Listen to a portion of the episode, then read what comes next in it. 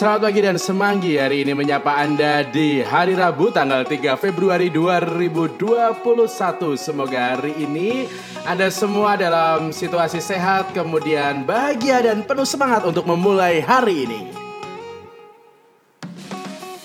Ya, hari ini Injil yang menjadi bacaan kita adalah dari Injil Markus bab 6 ayat 1 sampai dengan 6. Maka untuk Anda semua yang ingin membaca Injil ini secara keseluruhan, Anda bisa pause suara saya, lalu Anda bisa baca Injil ini dari kitab suci ataupun dari handphone Anda. Sambil menikmati hari, mari kita memulai hari ini dengan membaca kitab suci. Karena bisa jadi hari ini akan menjadi lebih bermakna dan mempunyai semangat yang baru dari ayat kitab suci yang kita dengar atau kita baca hari ini. Maka Anda yang pengen baca silakan bisa pause dulu atau bisa langsung mendengarkan suara saya untuk renungan pada pagi hari ini.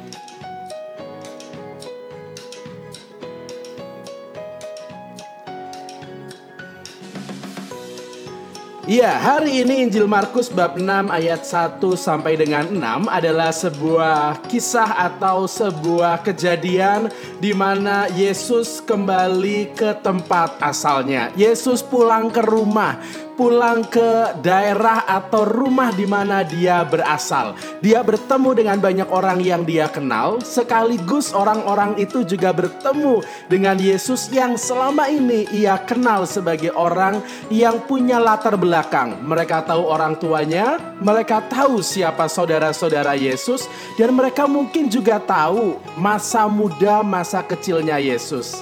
Dan hal ini membuat banyak orang bertanya-tanya, kenapa orang yang mereka ketahui, yang identitasnya mereka tahu, sekarang menjadi begitu luar biasa. Ya, sesuatu yang menarik justru menjadi sebuah hal yang bisa kita renungkan bagi hari ini di saat Yesus yang hadir dengan segala hal yang dieluk-elukan di tempat lain, di kota lain dia membuat berbagai macam mujizat, berbuat berbagai macam hal yang baik, justru di tempat asalnya sendiri dia dipertanyakan.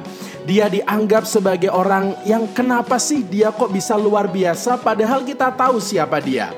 Mungkin kita juga pernah mengalami situasi seperti Yesus.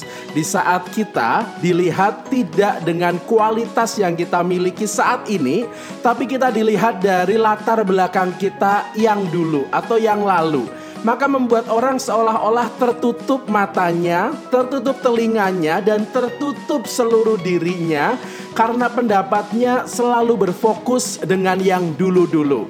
Orang menjadi tidak berkembang, orang menjadi tidak mendapatkan sesuatu yang baru dalam hidupnya karena apa yang mereka lihat hanya pada sisi masa lalunya.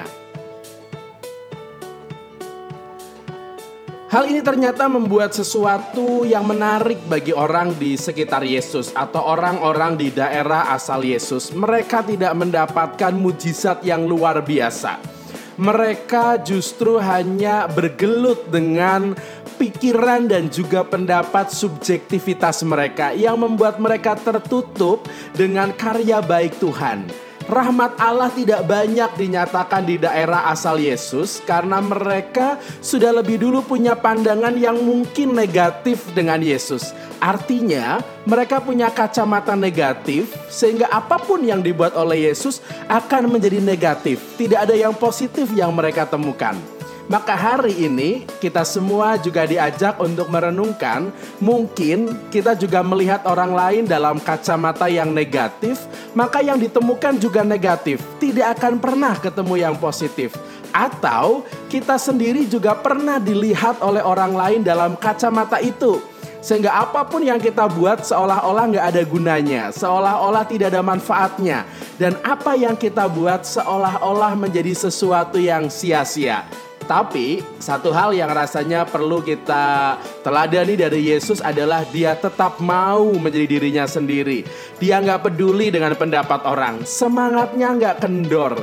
Karena pada akhirnya identitas diri kita, kualitas diri kita ditentukan dari bagaimana kita secara pribadi mengusahakannya sebagai sebuah kekayaan rohani. Hari ini, di awal hari ini, mari kita membuat dan memakai kacamata positif di dalam diri kita. Karena dengan kacamata positif, apa pun yang kita lihat, kita akan menemukannya secara positif.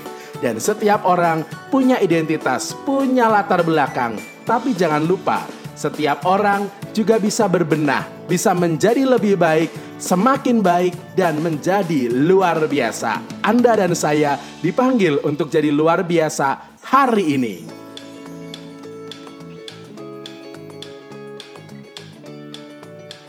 Menemani awal hari Anda. Semoga semanggi menjadi semangat Anda pagi hari ini dan semoga hari ini selalu dipenuhi dengan berbagai macam berkat dan rahmat. Semoga hari ini Anda penuh dengan sukacita, semoga hari ini Anda dan kita semua penuh dengan pikiran-pikiran positif karena bagaimanapun pikiran positif akan menjadi awal yang positif untuk sepanjang hari ini. Semoga dengan itu semua kita semua akan mendapatkan berkat yang melimpah dari Tuhan karena berkat yang melimpah itu akan jadi modal bagi kita untuk berbagi berkat pada sesama. Terima kasih untuk mendengarkan Semanggi pagi hari ini. Semoga kita semua semangat dan happy terus. Sehat, kemudian kita semua saling berbela rasa karena bagaimanapun kita sekarang masih dalam situasi pandemi, maka mari kita saling menjaga diri kita, orang di sekitar kita dan mereka yang kita cintai. Terima kasih Semanggi. Semangat pagi hari ini. See you dan Bye bye.